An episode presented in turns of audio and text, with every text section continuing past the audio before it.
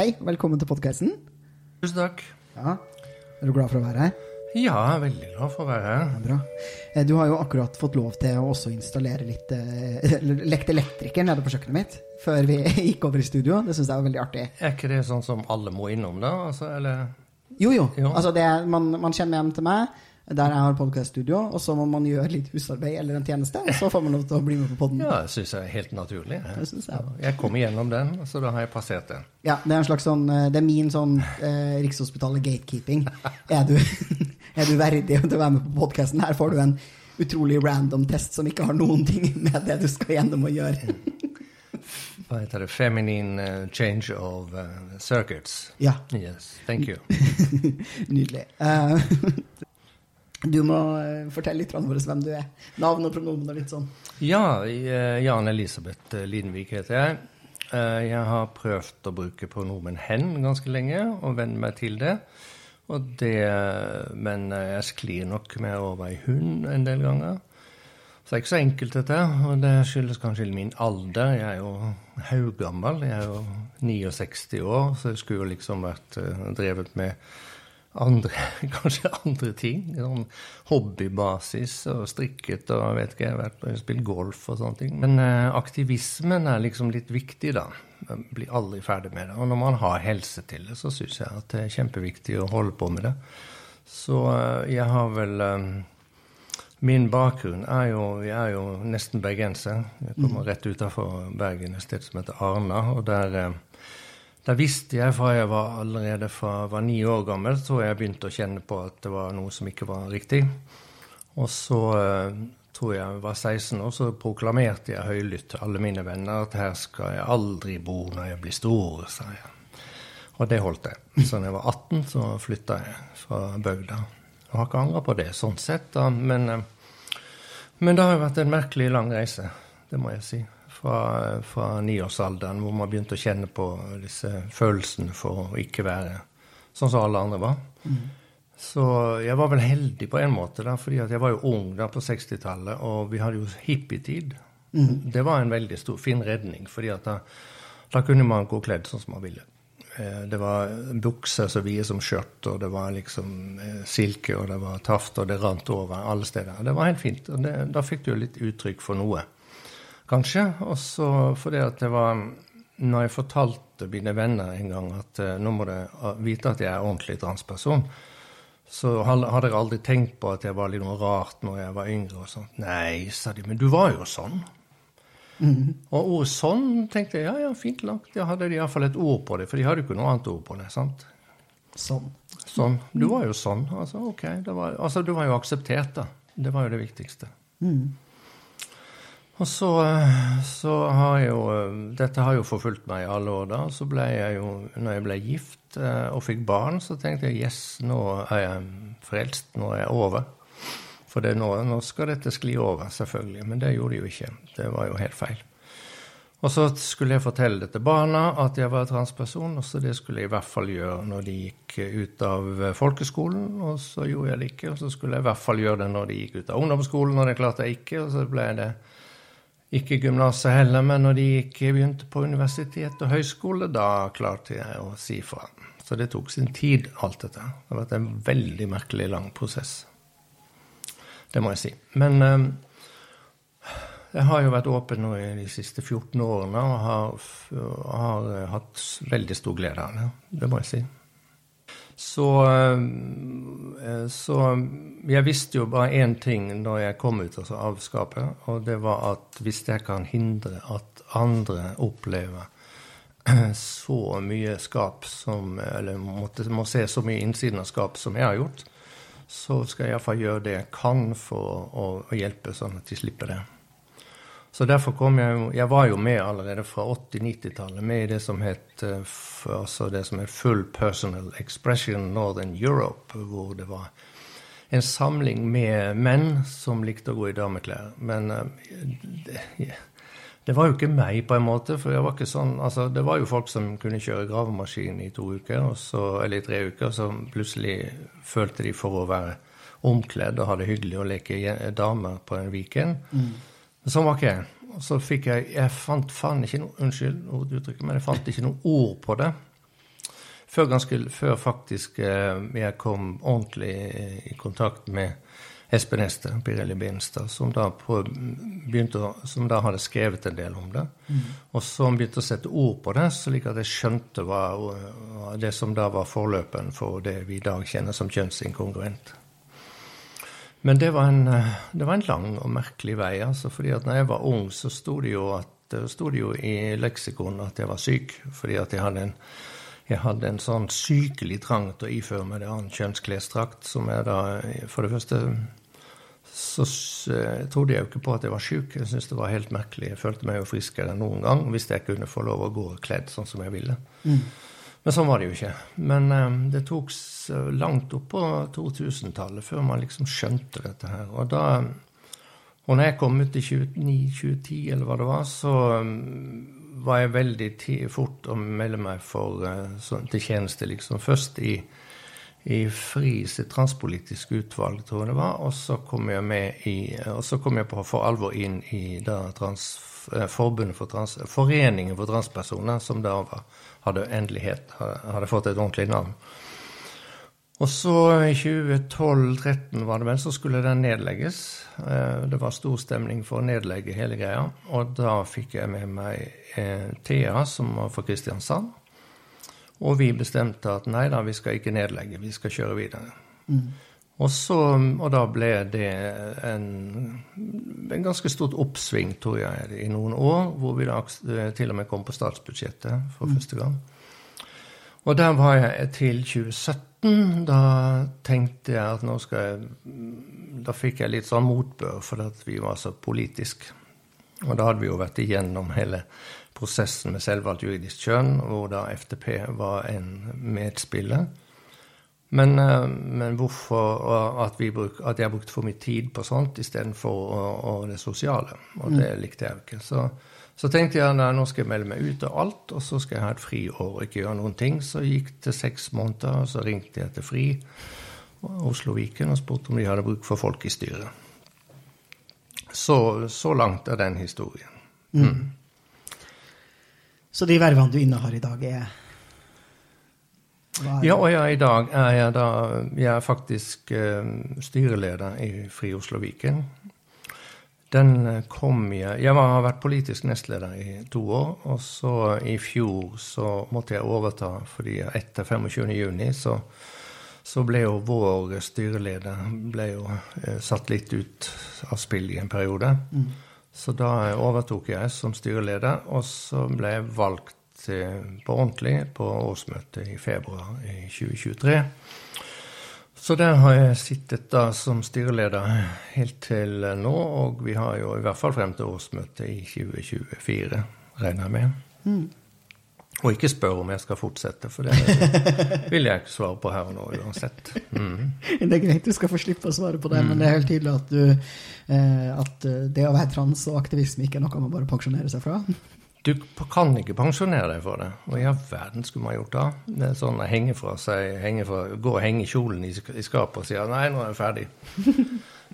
Da har vi jo en ny sak vi skal kjempe for, og det er jo selvfølgelig at eh, sykehjemmene og helseheimer og alt som er, skal, der skal også transpersoner og skeive bli sett. Mm.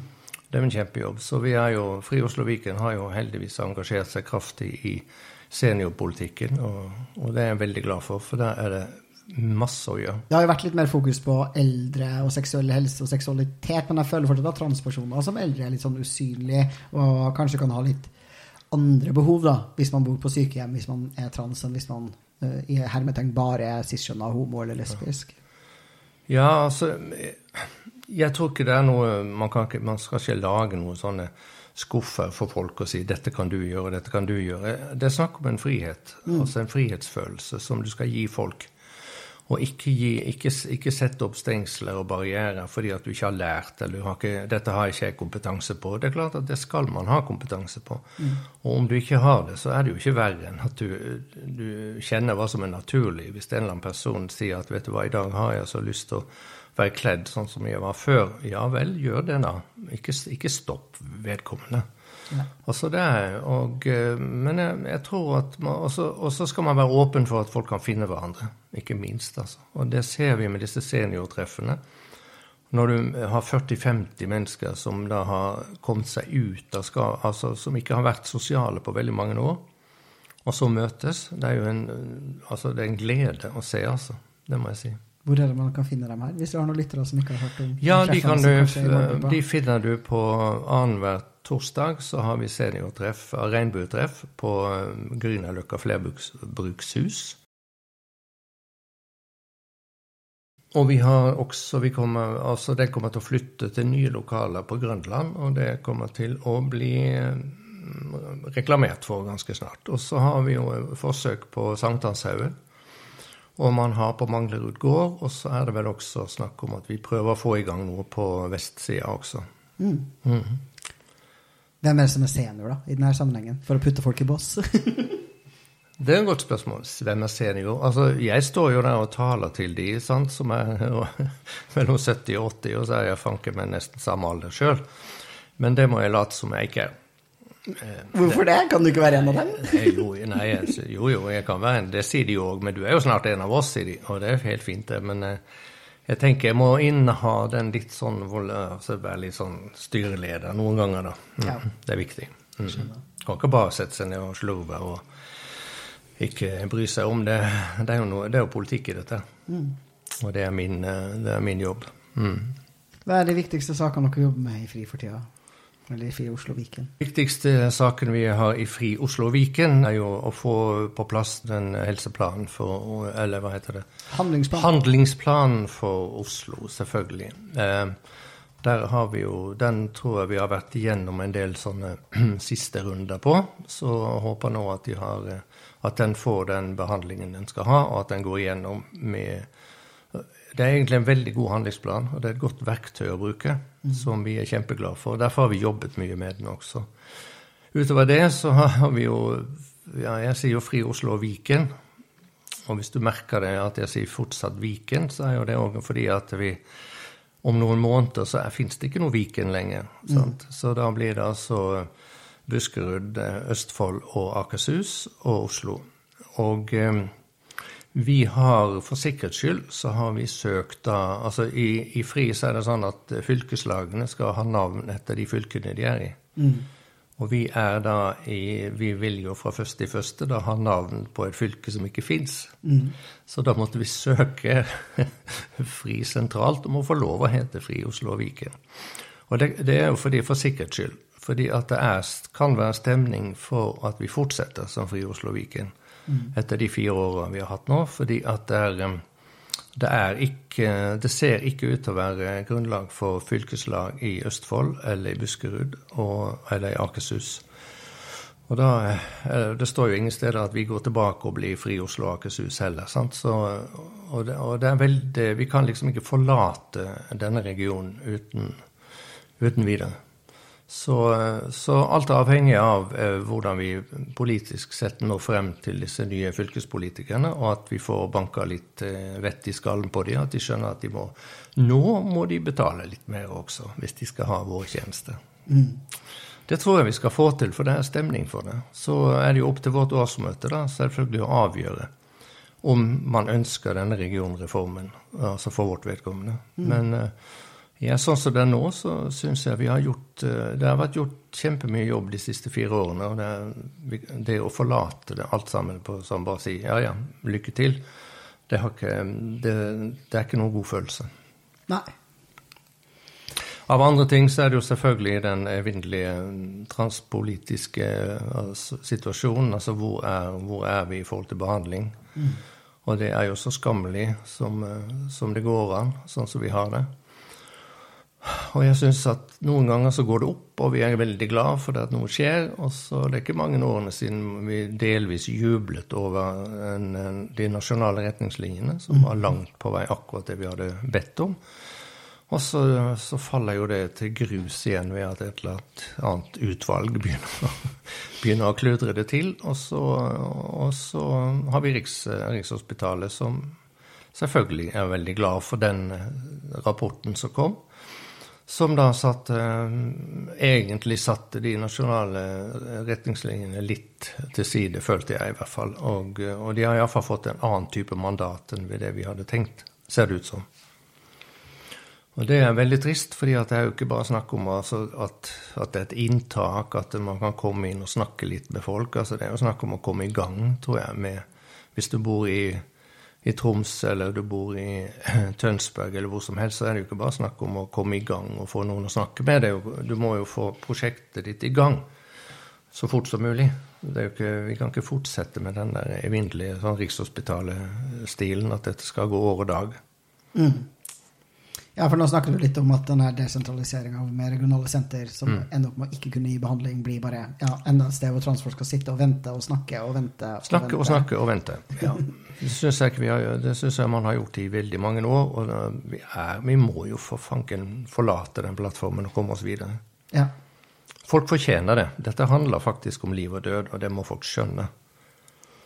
Så kan de jo fortsette å fortelle disse historiene sine om alle som angrer. Så må skrive de ned og lese det på kvelden, på natta-historier hvis de vil, men det er ikke noe vi Det er ikke noe som betyr noe. Altså, det er ikke det. Altså, den, de historiene er, eh, er ikke, det, det, fører oss ikke ingen vei videre, altså. Nei, nei, og selvfølgelig de menneskene som angrer, skal jo få god helsehjelp, dem. Det, bare, det får de jo ikke på Rikshospitalet. Nei. Så det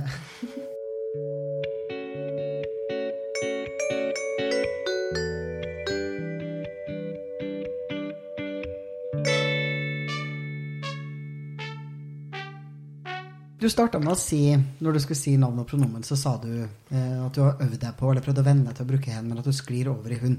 Er det ja. Hva handler det om? Handler det, handler, det, handler det, om identiteten din, eller handler det om språk? Ja, vet du hva, det er kjempeinteressant. Og nå, jeg sikkert, nå blir jeg sikkert rundhjult hvis jeg begynner å snakke om det. Men, men jeg syns det var så fint at uh, Altså, jeg, jeg, ble så glad i hen. Og så mm. brukte jeg hen, uh, og brukte det i mange sammenhenger. Og så kom jeg inn i en uh, samtale med noen uh, utenlandske. Mm. Og da var jeg plutselig blitt Da hadde de jo ikke Man har jo ikke hen-begrepet. Så da ble jeg de og dem. Mm. Og det, jeg, det klarer ikke jeg å få et forhold til. Altså, jeg respekterer folk som har det, men får, at det gikk på meg, det, det fikk jeg store problemer med. Og hvorfor, vet jeg ikke. Om det er fordi jeg vokste opp i en eh, tid hvor de betydde noe helt annet. Det var en høflig tiltale, mm. og jeg ble røska i håret av eh, mine foreldre hvis jeg glemte å si de til de som var eldre. Jeg vet ikke, jeg har, jeg har slita med det, og det har ikke jeg tenkt på egentlig før, før jeg fikk den. Før jeg fikk det, at også at engelskmennene ikke, eller utlendingene har altså ikke Da er du innenfor den de-dem-delen. Ja, men De sier jo they, dem, da. Ja, Syns, men det, har du samme forhold til they, dem som du har til de, dem på norsk? På en måte? Ja, det, er vanskelig. Ja, ok. Ja. Jeg, henger, jeg, meg, jeg henger meg litt fast i dette, og eh, jeg vet ikke hvorfor. Jeg, men jeg, jeg, gjør, altså jeg respekterer fullt ut de som bruker det. Men når jeg fikk det på meg sjøl, så tenkte jeg at ja, men dette stemmer jo ikke. Nei, men da skal du ikke bruke det. Da er det ikke ditt pronomen. Så da er ikke det mitt pronomen. Nei. Nei. Så enkelt. Men uh, ja. Så um, politisk sett så er det sånn Ja, jeg vil gjerne Og, og jeg syns i en periode så fronta jeg eh, hen fordi jeg syntes det var kult, og mm. at det var riktig å få det frem. En eh, svær reportasje i Aftenposten var vel i fjor en gang, eller var det i vinter? jeg husker ikke, Men da var det òg fordi at de ville vektlegge hen-begrepet. Mm. Syns det var fint. Så det, for meg er det et veldig fint uttrykk. Det, det, har jeg likt helt siden det ble innført. holdt jeg på å si. Og nå er det jo allerede i fjor sommer ble det jo godkjent også i Språkrådet. Mm -hmm. ja. Så det har ikke jeg noe imot med. Nei. Men så, altså, når jeg da sier at noen ganger bruker jeg hund, det er jo fordi at jeg er vel kanskje mer mot den den kvinnesiden i, min, eh, i, min, eh, mitt, altså i mitt kjønnsuttrykk. da. Mm. da. Og når folk tror Altså, jeg er jo hvis jeg går inn i en vanlig butikk, så, så får jeg jo beskjed ta, Kan ikke du hjelpe hun der istedenfor? Så fort som mulig. Så jeg er jo vent meg til at uansett om jeg er sminket eller kledd, hva som helst, så får jeg jo den der feelingen at jeg er langt hår, annerledes og liten og nett, og da er jeg plutselig Da er jeg hun. Mm. Det er helt fint. Jeg har ingen ja. problemer. Så det er en frihet man skal ha, altså en frihet i forhold til de pronomen bruker. Det syns jeg er helt greit. Eh, for meg har det vært helt fint. Eh, hva ellers jeg skal snakke om, hva andre ting vi driver med i Fri Oslo Viken, er jo det organisatoriske eh, har vi jo en del styr med, fordi at vi har noen aksjeselskaper. Mm som ikke så mange fylkeslag har. Vi, har jo, vi eier jo eh, fri, eh, vi eier Oslo Pride da, formelt. Mm. Det er et AS. Så har vi et annet aksjeselskap som heter Skeiv kurs- og kompetansesenter, som òg er laget for å kunne ta en litt større bredde enn vi gjør nå med skeiv kunnskap. Mm. For å kunne ruste oss på det at eh, f.eks. Oslo kommune kanskje på et tidspunkt ønsker å gå over til å kjøpe tjenester istedenfor tilskuddene. Det kan ja. hende. Så da, da, har vi enda et selskap. Mm. Så, så, det er godt vi har en, eh, vi en sekretariatsleder som kommer fra næringslivet, som holder orden på dette. Du er jo eh, Det var mye trans, da. Men du er jo ikke bare trans. Du har jo holdt på med litt andre ting i livet ditt også. Man er jo trans for det. Eh, det, det, det, er jeg helt enig i. Du er definitivt trans også når du gjør andre ting i livet ditt. Men kan du mm. fortelle om noen av de tingene du gjør mens du er trans? I andre deler av livet? ja, nei. Ja, det kan jeg. For, fordi at uh, jeg har jo vært uh, jobbet innenfor film da, siden uh, 77, og det er ganske lenge siden. Mm. Og jeg ble ganske fort Etter å ha gått på høyskole og sånt, så jeg, begynte jeg å ha, å ha interesse for lyddelen av film, film, filmarbeidet. Mm. Fordi at det var veldig få som så muligheter av hva man kan gjøre med lyd.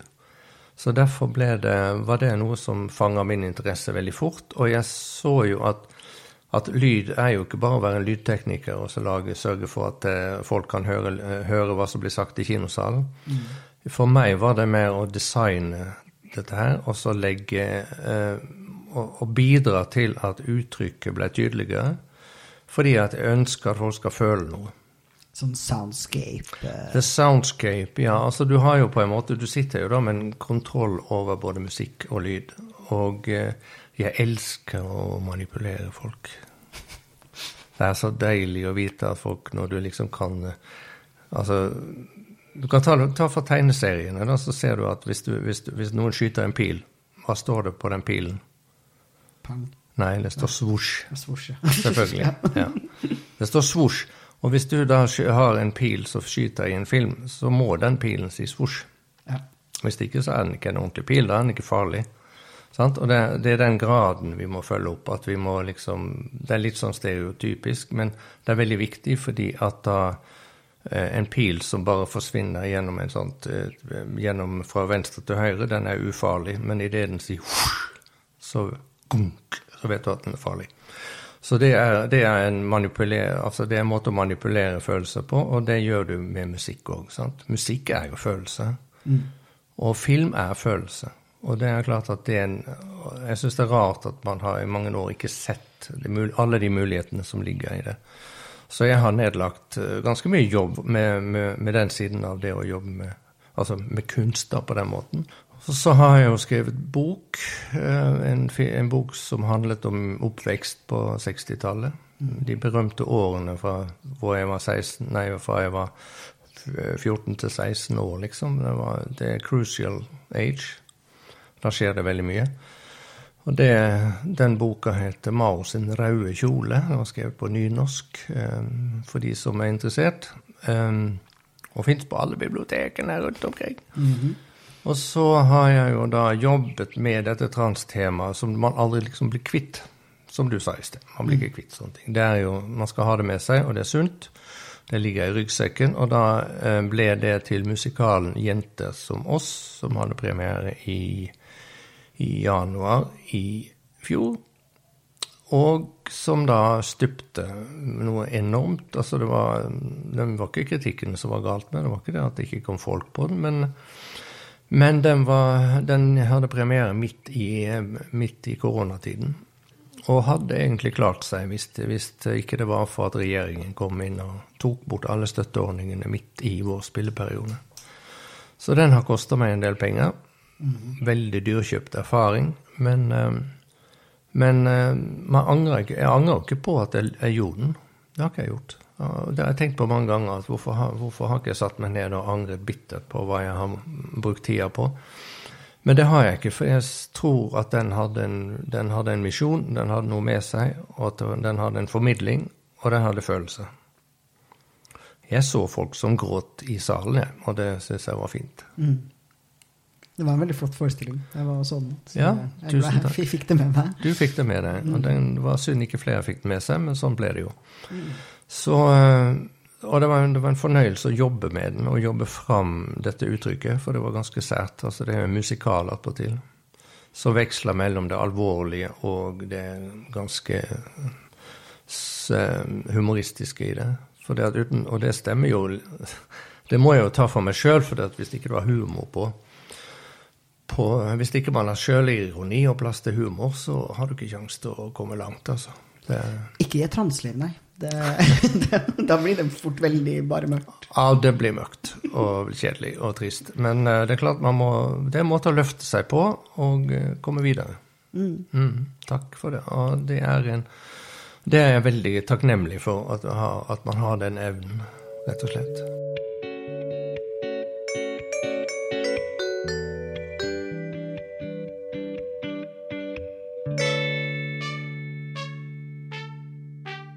Du prata litt om tida før i tida, og jeg har jo vært litt sånn opptatt av å prøve å få en del av dere som, som tilhører en litt eldre garde, hvis det er lov å si, uten å, eh, å få dere med på podkasten litt for å dele de her historiene.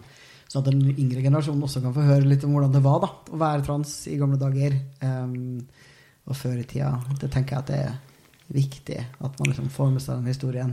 Så prata du litt om at du ikke følte deg helt hjemme i forgjengeren til FTP-en. da, altså, uh, Fordi det var en del folk der som du bare følte at Ja, som var trans på en annen måte enn deg. Men, men, var de det? Og hvor er de folkene nå? Og var dere ikke egentlig også ganske mange folk som er trans på jo da. den måten du er?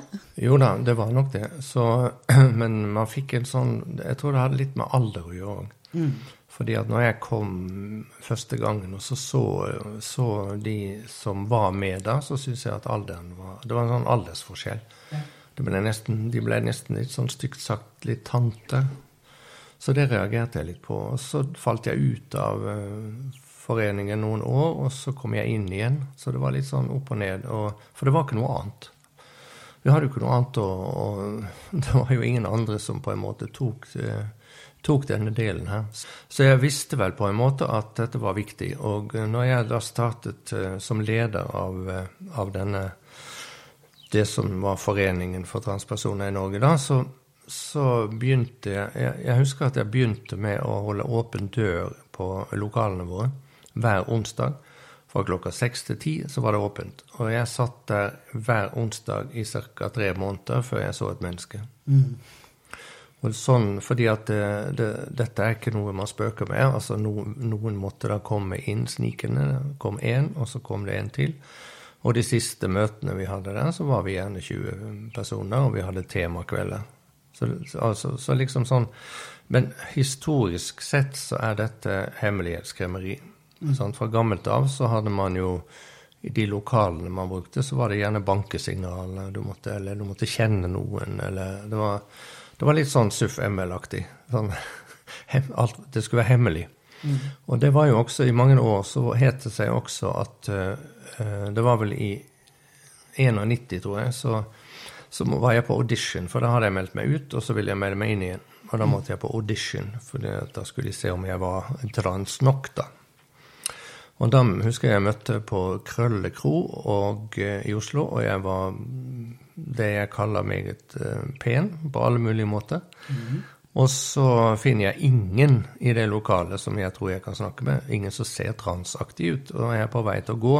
Da sitter det en borti et hjørne og vinker på meg i sort dress med hvit skjorte og slips. Det var da, da lederen i, i, i foreningen den gangen. Så, så hemmelig måtte det være.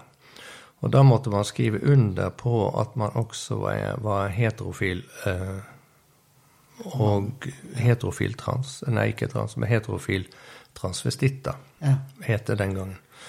Og det skrev jeg ikke under på, for jeg syns det var en helt utrolig merkelig eh, sak å skrive under på. Men jeg har jo funnet ut seinere at vitsen med det var at hvis, du ble, hvis man ble ferska av Det var jo stort sett menn som var med, sant? Så hvis du ble fersket av, eh, av dama di, så kunne du iallfall si at homo var han i hvert fall ikke. Og det er jo helt sykt. Så den sto faktisk helt til 2007 eller 2008 eller noe sånt, før den ble fjerna. For det der, eh, jeg, jeg har jo jeg oppdaga nettopp også det der via Alexander Sørli, som jeg jo lager den podkasten sammen med. Fordi jeg har jo også trodd at den her klausulen om at man må være, man må være såkalt heterofil, da, og, og liksom, eh, i hermetegn mannlig transvestitt, altså eh, transfeminin på en eller annen vis, da, at det, at det handler om at man liksom ønsker at, at medlemmene ønsker å ikke bli assosiert med, med homofili og homofile fordi man liksom var litt homofob, da, rett og slett. Eh, mens, det, mens det jo faktisk var det, av hensyn til konene. Altså i my mye større grad enn det vi var klar over og Ja, forsto. nei, det var nok det. altså. Man, skulle, man skulle i hvert fall ikke bli tatt for å være homofil, da. Ja.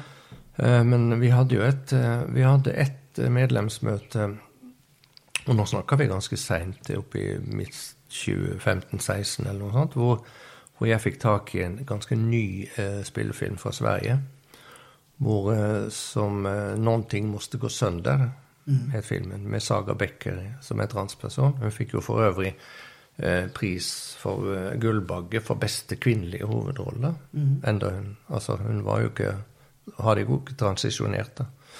Men eh, fantastisk film, og den fikk jeg på link fra Stockholm, for den var jo den var helt ny. Og når jeg spilte den i våre lokaler, så hørte jeg at det var flere som sa ja, men dette er en homofilm. Ja. Ja. Så sa jeg ja, men det gjør det noe, da, sa jeg. Da ble det stille. Så altså den der redselen for Redselen for Altså, er du, er du skeiv, så er du skeiv. Da du, du må du fanke meg kunne akseptere hverandre, og ikke, ikke begynne på den måten og så sektere igjen, altså. Det syns jeg, det synes jeg er fryktelig trist. Men jeg forstår ikke hvorfor tenkte folk at det var en homofilm? Mm, Hvorfor det? Nei, fordi at det var vel da en, en, en Hans Han som var spilte Han som var hoved, den mannlige hovedrollen, var vel egentlig ikke Han var vel egentlig homofil, da. Og så, så var det vel noe redsel for at da Saga, eller den hovedpersonen, da At dette var et homofilt forhold. Jeg syns det, synes det var en vakker historie, og jeg syns alle burde se den. Mm. Jeg så den på Oslo Fusion Mm. eh, et år. Men det, er- jeg er enig at det er en veldig fin film. Så, så er det klart, hvis jeg skulle vært sekterisk på disse tingene, så kunne jeg jo aldri i livet vært eh, styreleder i, i Fri Oslo Viken hvis jeg skulle oppført meg sånn. Altså, man skal jo hegne om alle. Og jeg synes foreløpig Man har jo diskutert om begrepet skeiv eller ikke skeiv, men jeg syns at foreløpig er skeiv et godt begrep. Som dekker det meste, syns jeg. Og det, det tror jeg vi må være Inntil noe annet dukker opp som er bedre, så er vi skeive. Ja, det tenker jeg også. Og så er det jo et eller annet med at altså, Man trenger jo ikke personlig å oppleve seg selv som så veldig skeiv eller identifisere seg sånn voldsomt med ordet, men man må forstå at når folk snakker om skeive folk, så er det det vi snakker om. Eh, og hvis man kan få til det, uten at du nødvendigvis må kalle deg det Men sånn, det, jeg tenker også at det er viktig å ha et ord som, som rommer oss alle på et eller annet vis. da eh, Uten at det skal være sånn kjempetydelig hvor akkurat den grensa går, men at det handler om ja, de av oss da som bryter med de her normene for skjønn og seksualitet, og som har noen likheter. Og så har vi selvfølgelig også et vanvittig mangfold og forskjellighet internt i den gruppa med oss som er skeive. da. Ja, selvfølgelig, men, eh, men det, det er klart at du når du er, om du er transvestitt eller om du er transkjønnet eller hva du er, så er du jo Du bryter jo med alt som er normer for kjønn og seksualitet. Og da er det fint at man eh, Da må du akseptere at du er eh, Du, er, du har brutt med den heteronormen, og da må du Da er man skeiv. Jeg syns det passer veldig fint. Eh, Hva er ditt neste prosjekt i livet? Er det strikking? Nei, jeg, skal ikke, jeg kan ikke strikke. Nei. Eh, Jeg har spilt golf, så det er jeg ferdig med. Men uh, mitt neste prosjekt uh, nei, det er å holde seg frisk. Jeg er jo kommet i den, uh, den vi kaller reparasjonsalderen, så jeg må jo prøve å, å holde ut mest mulig. Mm. Um, men, men, det å Altså aktivismen, som, sånn som jeg har den, den føler jeg er livgivende. Jeg tror det. Altså, den er med på å holde meg ung på mange måter. Jeg tror at hvis jeg ikke hadde hatt det, og ikke hatt den følelsen av at du er med på noe som er litt større enn deg sjøl, så hadde man eh, havna Da hadde du blitt sånn Lest Aftenposten om morgenen og håpet at det skulle skje noe i løpet av dagen. Mm. Det er ikke godt nok. Nei. Nei. Det er ikke godt nok. Det skal skje noe i løpet av dagen. Og helst noe som bringer oss, rørsla og alt videre. Mm. Vil jeg si. Mm. Du sa at noe av liksom, hovedmotivasjonen for å drive med aktivisme er at eh, folk da, som kommer etter deg, som er meg og de som er yngre, skulle si, skal få lov til å tilbringe litt mindre tid med å se på innsida av et skap. Mm. Blir du noen ganger sjalu på dem som har vært veldig lite i skapet? Ja.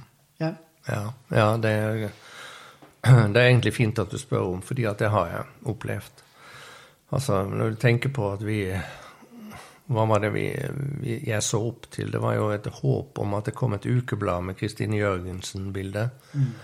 Det var liksom noe Uff, da, da, var det noe stort noe. Eller så var Aktuell Rapport sneik man seg til, for der var det av og til bilder av noen danske skimails, eller hva man skal kalle det for, for sånn pornomessig. Men eh, Og så ser du liksom og, og, måten å søke venner på, søke andre i samme situasjon, var jo helt umulig. Mm.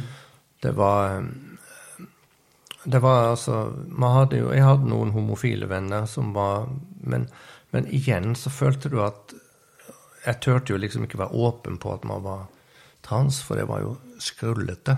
Mm. Det var en liten sånn barriere på det. Og så, så ser jeg på de som da har kommet etter, og som kan eh, slå Altså skrive et par Du, har, du trenger ikke å skrive MLTR på internett, så har du begynt å få opp noe mm. side. Sant? Som kan, og, og det, er, det, er, folk rundt deg som eh, Det er lett, egentlig lett å komme i kontakt med folk som du kan hjelpe deg videre, og som kan hjelpe deg til å forstå. Og bare det, som jeg var inne på ganske tidlig, om hvor mange år jeg brukte på å forstå hva jeg egentlig sleit med, det var det, synes, det, det slipper man i dag, altså. Og takk for det. For, eh, men eh, har, la meg nå si at det skjer jo noe da med um, dette med historiske, fordi at jeg er jo en av forfatterne på den store boka om norsk transhistorie, mm -hmm. som skal komme neste år. Som, er, som, er, som, da er Daisy Seilen Hafstad og jeg som er forfattere på. Mm. Daisy har vært på poden, og dere burde høre den episoden, for den er veldig veldig fin. Ja. Bare, ja. Mm. Gleder meg til den boka kommer. Så Daisy sa lykke til til meg i dag. ja, den boka eh, tror vi på at vi skal klare å få til et gjennombrudd med. Mm. Og det har vært fantastisk gøy å dukke ned i det når du er inne på det med historie og se hva, altså, hva, folk har uh, slitt med og lidd igjennom og holdt på med i så mange år. Mm. Og det, det, tror jeg kommer til å være en vekker for mange. Og en veldig viktig vekker, at man skjønner at dette er ikke noe du skal ta for gitt. Og spesielt ikke med de tider vi kanskje ser foran oss. Altså, det må vi jo for guds skyld ikke få til her i landet, men det kommer jo i utlandet. Mm. Det kommer jo land etter land som presser på at vi vi skal ikke ha den plassen vi har.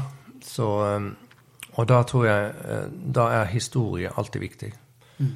Og hvis vi får den på plass til uh, juni neste år, så er, uh, så er det noe av det Da tror, føler jeg at jeg har lagt igjen noe etter meg. Det tror jeg er viktig, noe, noe som er viktig. og Vårt samarbeid er bare aldeles glimrende. Daisy er en fantastisk person å jobbe sammen med. Hun er bare så flott. Jeg er helt enig. Hun er veldig flott. Hun er veldig flott. Og, det er dere begge. Og er da stor, kjempestolt av T-en. Altså, hun er trans, så det står etter. sant? Operert, men likevel trans. Helt herlig. Som det er ikke alle som aksepterer det. Og den syns jeg er fint at hun, hun gjør det. Og, og den T-en er viktig. Den skal, vi, den skal, vi, holde på fordi at den har en betydning. Mm.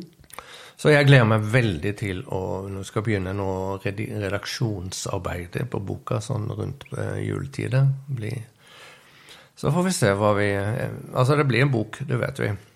Om vi så skal utgi den sjøl, så, så, blir det bok. Det er helt sikkert. Og det blir altså så det, det, er noe jeg bare sånn Jeg kjente at det kom et sånt helt nytt giv når man begynte å grave i historien. Altså, jeg kan jo bare si noe så dumt som at når vi var på Skjevt arkiv i, i, i, påska i Bergen, Daisy og jeg, mm. så graver vi frem sånne gamle eh, blader fra transblader fra 80-tallet og sånn, ja. som var det var jo dødsalvor den gangen. sant? Det kom i brune konvolutter, og du måtte snike deg bort for å åpne og lese dette. Og det var jo så stort. Og så sitter du der og flirer. Ja. man sitter faktisk Det er fælt å si det, men man sitter og flirer. Fordi at utviklingen er Altså, det har skjedd så jækla mye. Mm. At det blir bare sånn Er det sant? Var vi der, liksom? Men det var vi. Mm. Og det har folk veldig godt av å vite hva, man, hva, hva som har skjedd i, i, At det ikke bare det er sånn eh, At det er sånne som du, og det, det er mange som er viktige for at ting skal gå videre. Altså. Ellers så skjer det ingenting. Altså, vi, man kan ikke la være. Da stopper alt opp. Det er jo viktig for oss å få sagt i Fri Oslo Viken så har vi jo over 30 aktivitetsgrupper mm. som vi pleier. Som vi pleier det vi kan. og og prøver å støtte opp under det vi er mulig. Og så har vi jo 17 prider i hele Viken-området.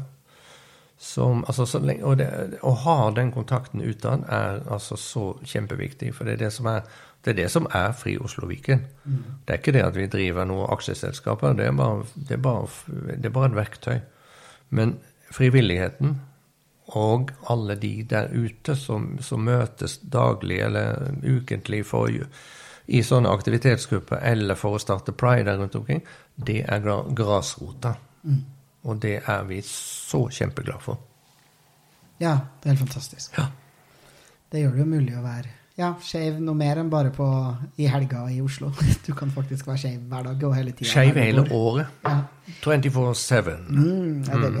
Du har jo fått gjort ganske mye da for den kommende generasjonen, både med å slå inn døra og eh, legge igjen ting som vi skal få se og eh, ja, ha en påvirkning. Men hva er det du liksom tenker at hva har du lyst til å si til en oppvoksende slekt som kanskje hører på podkasten min? Altså, Gud vet jeg. Men uh, den har noen, noen lyttere. Jeg tror ganske mange av dem er trans. ja, nei, skal, det vil jeg jo tro. En transpodden skal man jo høre på. Uh, nei, altså hva jeg vil si Jeg vil si at folk, de, som er, uh, de som er transpersoner i dag, i, uansett i hvilket, på hvilket nivå, så skal de vite at de skal være stolt av den de er. Og det er ingen grunn til å gå rundt og så henge med nebbet, fordi at man skal kjenne Du skal komme så langt. Og den dagen jeg kjente at jeg, var, at jeg ikke var brydde meg om hva andre folk sa eller mente, den dagen var, kjente jeg at nå kan jeg begynne virkelig å leve. Mm. Og den følelsen ønsker jeg at folk eh, ikke bruker for lang tid på å få. Men når den, når, de, når den, er der, så er du stolt av hvem du er, og da eier du verden. Ok. Ja. Da tror jeg bare takk for at du kom hit. Med mindre du har lyst til å si noe mer, da. Du får lov. Nei, nå syns jeg jeg har snakket veldig mye. ja, så la meg takk, takk, for at du kom på podkasten. Takk for at du har uh, vært en av mine forbilder, og en som har gått foran i, i veien for å lage mer rom for oss som er uh, yngre, og dem som er enda yngre enn meg, skulle jeg si. Uh, gleder meg til bok. Gleder meg til ditt neste prosjekt etter det igjen. Ja. Jeg vil bare si tusen takk for anledningen. Og lykke til til alle som nå driver aktivisme på ja. høyt plan. Ja. Nydelig. Tusen takk. Jeg heter Luka Dalen Espeseth. Takk til deg som lytter på Trans-Norge. Spre gjerne ordet om podkasten, og send oss gjerne spørsmål hvis du har noen. Takk til klipperne våre Mina, Noah og Elf for at dere lager kjempebra episoder. Følg PKI på sosiale medier, og meld deg inn i PKI på nettsidene våre www.pkinorge.no.